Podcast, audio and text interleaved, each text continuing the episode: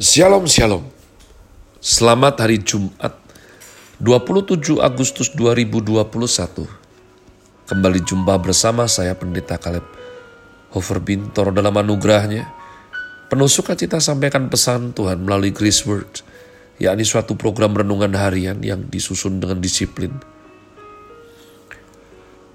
Kami doakan dengan setia supaya makin dalam kita beroleh pengertian mengenai iman, pengharapan, dan kasih yang terkandung dalam Kristus Yesus sungguh merupakan kerinduan saya bagi saudara sekalian agar supaya kasih dan kuasa firman Tuhan setiap hari tiada pernah berhenti menjamah hati, menggarap pola pikir dan terutama kehidupan kita boleh sungguh berubah menuju Christ likeness.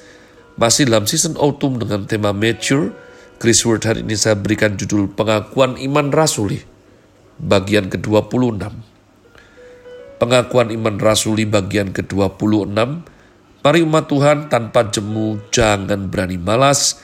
Sekali lagi kita baca, yakni warisan iman Kristen dari para rasul, murid Kristus yang menerima ajaran kerajaan Allah, Injil Tuhan langsung. Ya, itulah kenapa disebut rasul Tuhan Yesus. Aku percaya kepada Allah, Bapa yang Maha Kuasa, Khalik langit dan bumi. Aku percaya kepada Yesus Kristus anaknya yang tunggal, Tuhan kita. Yang dikandung dari roh kudus, lahir dari anak darah Maria. Yang menderita sengsara di bawah pemerintahan Pontius Pilatus. Disalibkan, mati dan dikuburkan. Turun dalam kerajaan maut. Pada hari yang ketiga bangkit pula dari antara orang mati. Naik ke surga, duduk di sebelah kanan Allah Bapa yang Maha Kuasa dan dari sana ia akan datang untuk menghakimi orang yang hidup dan yang mati.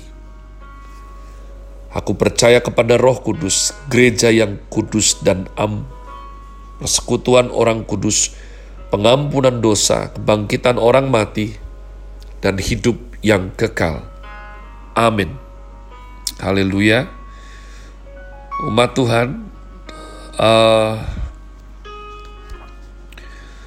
kita akan melanjutkan pembahasan kita mengenai butir kedua dalam pengakuan iman rasuli, yakni bagian terpanjang, terpenting.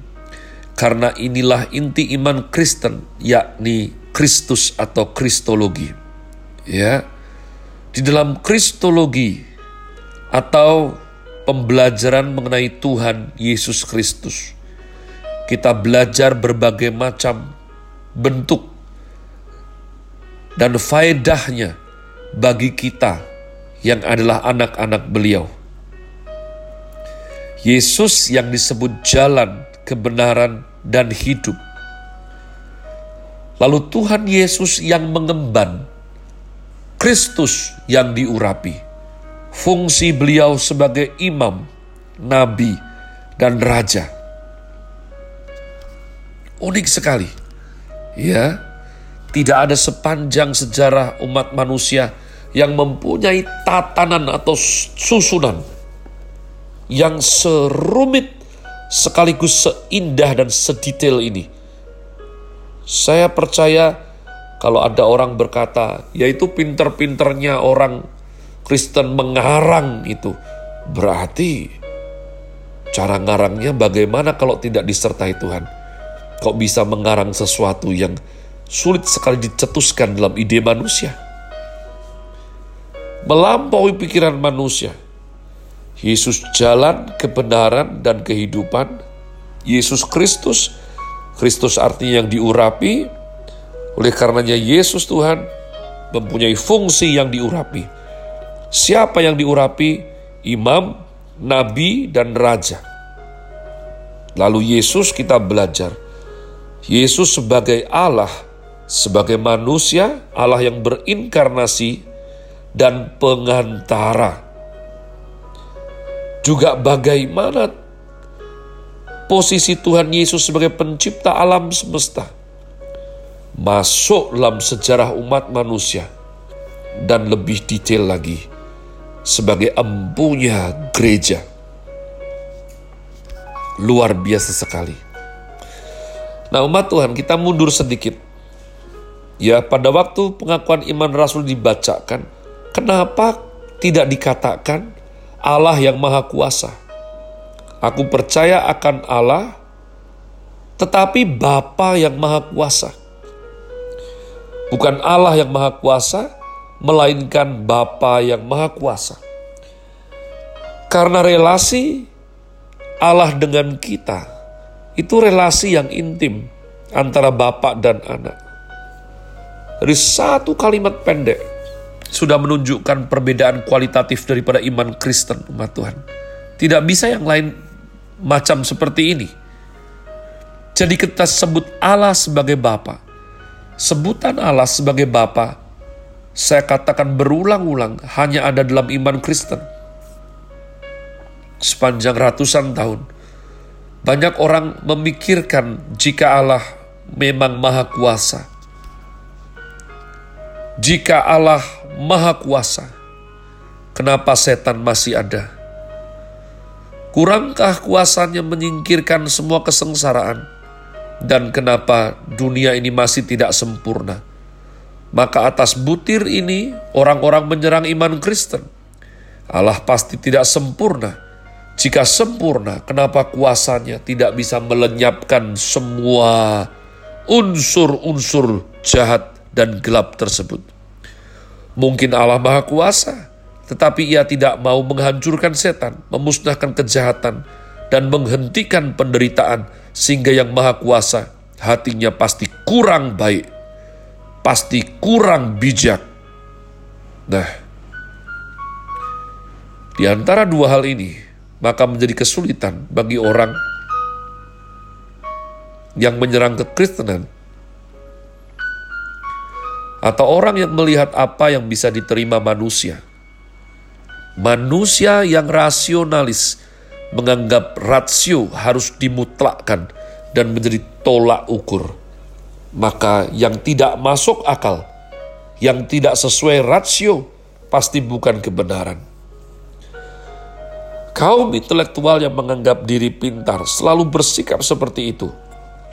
Sombong, membanggakan diri, merasa terpelajar, paling benar sendiri, memiliki reasoning power yang kuat, sehingga menilai kekristenan sebagai hal yang sangat-sangat tidak masuk akal. Saya ingat di masa saya remaja, ya, saya bersyukur walaupun tidak jenius sampai seperti apa, tapi saya akhirnya tahu bahwa saya tidak bodoh adalah ketika orang tua saya memacu dan memicu saya untuk belajar.